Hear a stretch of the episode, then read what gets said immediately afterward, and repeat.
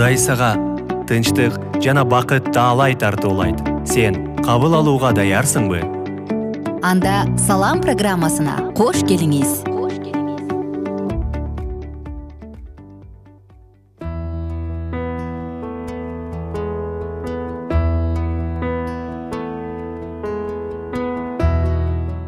салам достор. Баардык угармандарыбыз менен кайрадан амандашабыз.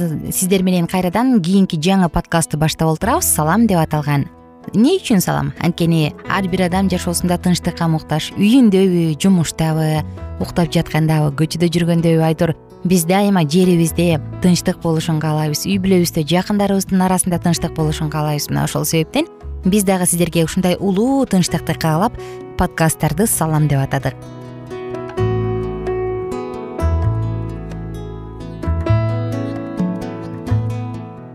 замандаштар биз ыйык жазуу мындай дейт деп аталган сабак менен бөлүшүп жатканбыз. Өткөн окторубузда он үчүнчү сабак менен бөлүшкөнбүз.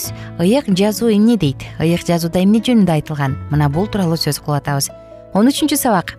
Жыйынга барыш керекпи деп баштаганбыз.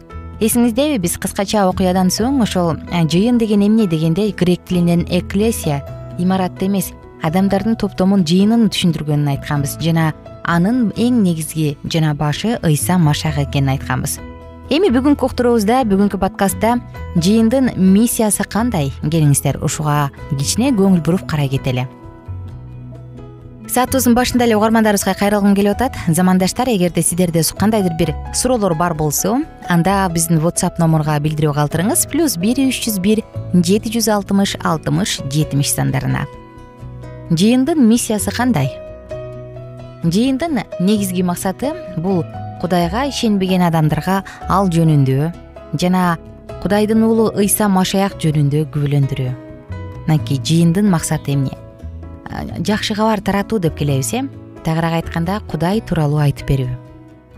Андан кийин жыйындын мүчөлөрү жакшы кабарды сөз менен гана эмес адилеттүү жашоосу менен дагы күбөлөндүрүшү керек. Бул жыйындын максаты сонун сөздөр бар эмеспи сиздердин жашооңор күзгү сыяктуу болушу керек. Силердин жашооңор күзгү болушу керек деп мына бул дагы бекеринен эмес. Жыйын эң жогорку чындык болгон кудайдын мыйзамынын түркүгү жана таянычы дагы болууга чакырылган. Байкадыңызбы?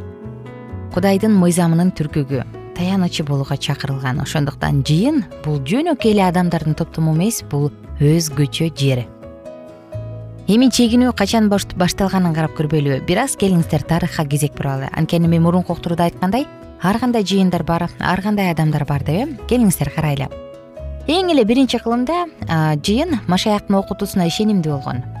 Эң башындагы машаякчылар.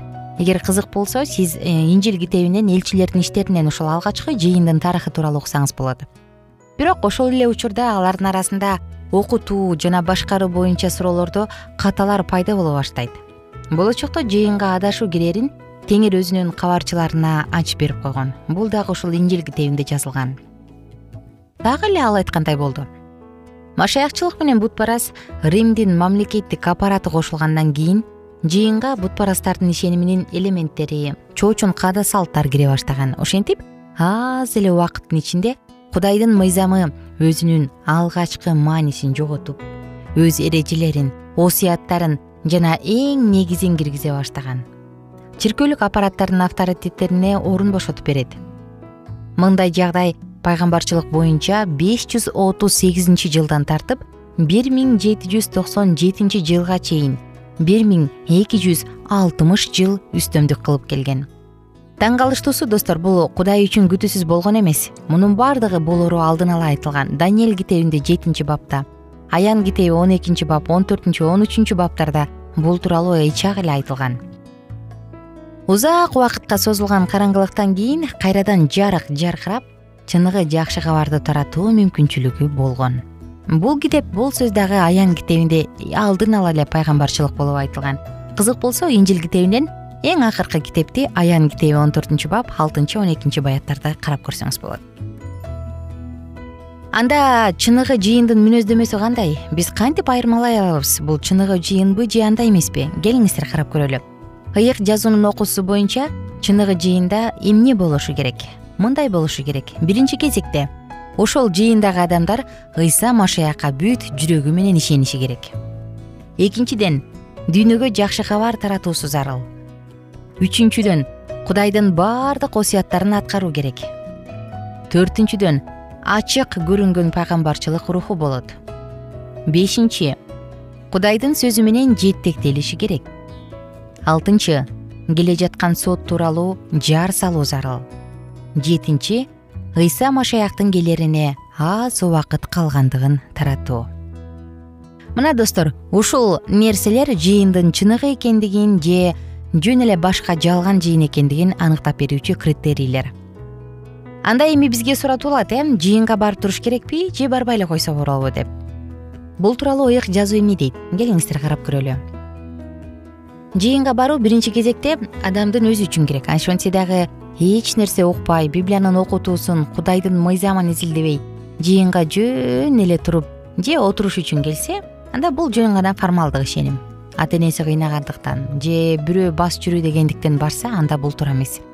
Мындай формалдык ишеним ырым жырымга жакын. Жардам берет деп жатышпайбы ошондуктан барып жатам. Мага дагы жардам берер дейм деп айткан сыяктуу. Оорубат деле ушакка барсаң айыгат деди керек эле барсаң берет деди деген сыяктуу сөздөр бекеринен калган эмес. Мындай учурда адам өзгөргүсү күнөөсүн мойнуна алгысы жана кылган жаман иштери үчүн тобо кылгысы келбейт формалдык мамиледе адамдын жаңы жаны кудайга умтулбайт. Караңызчы кандай гана сонун айтылган сөздөр кандайдыр бир ырымды аткарган үчүн адам кудайдан сыйлык алгысы келет. Мына мен жыйынга келдим. Кудай эми мага сыйлык бер деп э? Бирок кудайга жыйынга формалдык түрдө барышыбыз эмес. Биздин жүрөгүбүз керек. Жыйында гана ишенүүчүлөр менен кудайдын жардамы менен алган тажрыйба акыл айтуулар жана сыноо тууралуу талкуулай аласың. Жыйында гана бири бирине айтып жалпы көйгөй үчүн сыйына аласың. Жыйында гана башка адамдар куткарылыш үчүн дүйнөгө жакшы кабарды эффективдүү таратууга болот. Ыйык жазууну изилдеген жыйынга жума сайын үзгүлтүксүз баруу кудайдын сөзү боюнча билимиңди өстүрө алат. А эгер адам жыйынга барбай калсачы анда албетте акырындык менен кудайга анын сөзүнө карата муздай баштайт. Мындай ишенүүчүнүн моралдык нравалык принциптери акырындык менен өзгөрөт. Мурун күнөө деп эсептеген нерселер акырындык менен нормалдуу көрүнүш болуп калат ошентип акырындык менен жумадан жумага айдан айга жылдан жылга кудайдан акырындан алыстап отуруп мурун жасабаган каталарды кетирет же кандайдыр бир күнөөгө жыгылат тагыраак айтканда жыйынга барбоо биринчи кезекте адамдын жашоосунун сапатына жана анын жакындарына таасир тийгизет. Анда биз кичинекей кеңеш бере кетели мен эмне кылышым керек? Сиз эмне кыла аласыз? Биринчи кезекте чыныгы жыйынга кошулуңуз. Экинчиден ага ишенимдүү болуңуз. Бул сизге чоң жардамын берет. Кудайым сенин руханий үй бүлөңдүн жердеги жыйыныңдын бир бөлүгү болгонго шыктандырчы суранам деп кудай атага сыйынууңузда жалбарууңузда кайрылсаңыз болот.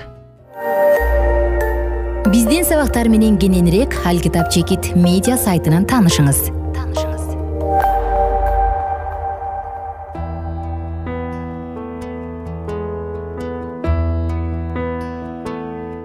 достор подкасттын соңку мүнөттөрүндөбүз кийинки уктурууларда дагы сонун маалыматтар бир гана сиздер үчүн орундалмакчы ошондуктан бизден алыстабаңыздар ар бир сөз ар бир маалымат бир гана сиздер үчүн. Жаратуучу кудай сизди түбөлүк сүйүү менен сүйөт. Жашоодо кыйын учурларда жашоонун туңгуюгунда дайыма ага кайрылып о асмандагы кудай мага жардам берчи деп кайрыла аласыз. Жана сөзсүз түрдө ал сизге өзүнүн жардамын берип балам менин артымдан ээрчи дегенде артка чегинбеңиз.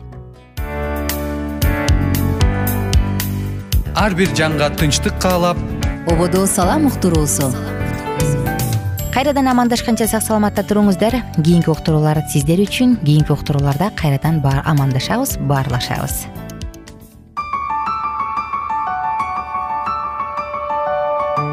бир гана кудай чыныгы тынчтык берет. Ободо салам уктуруусу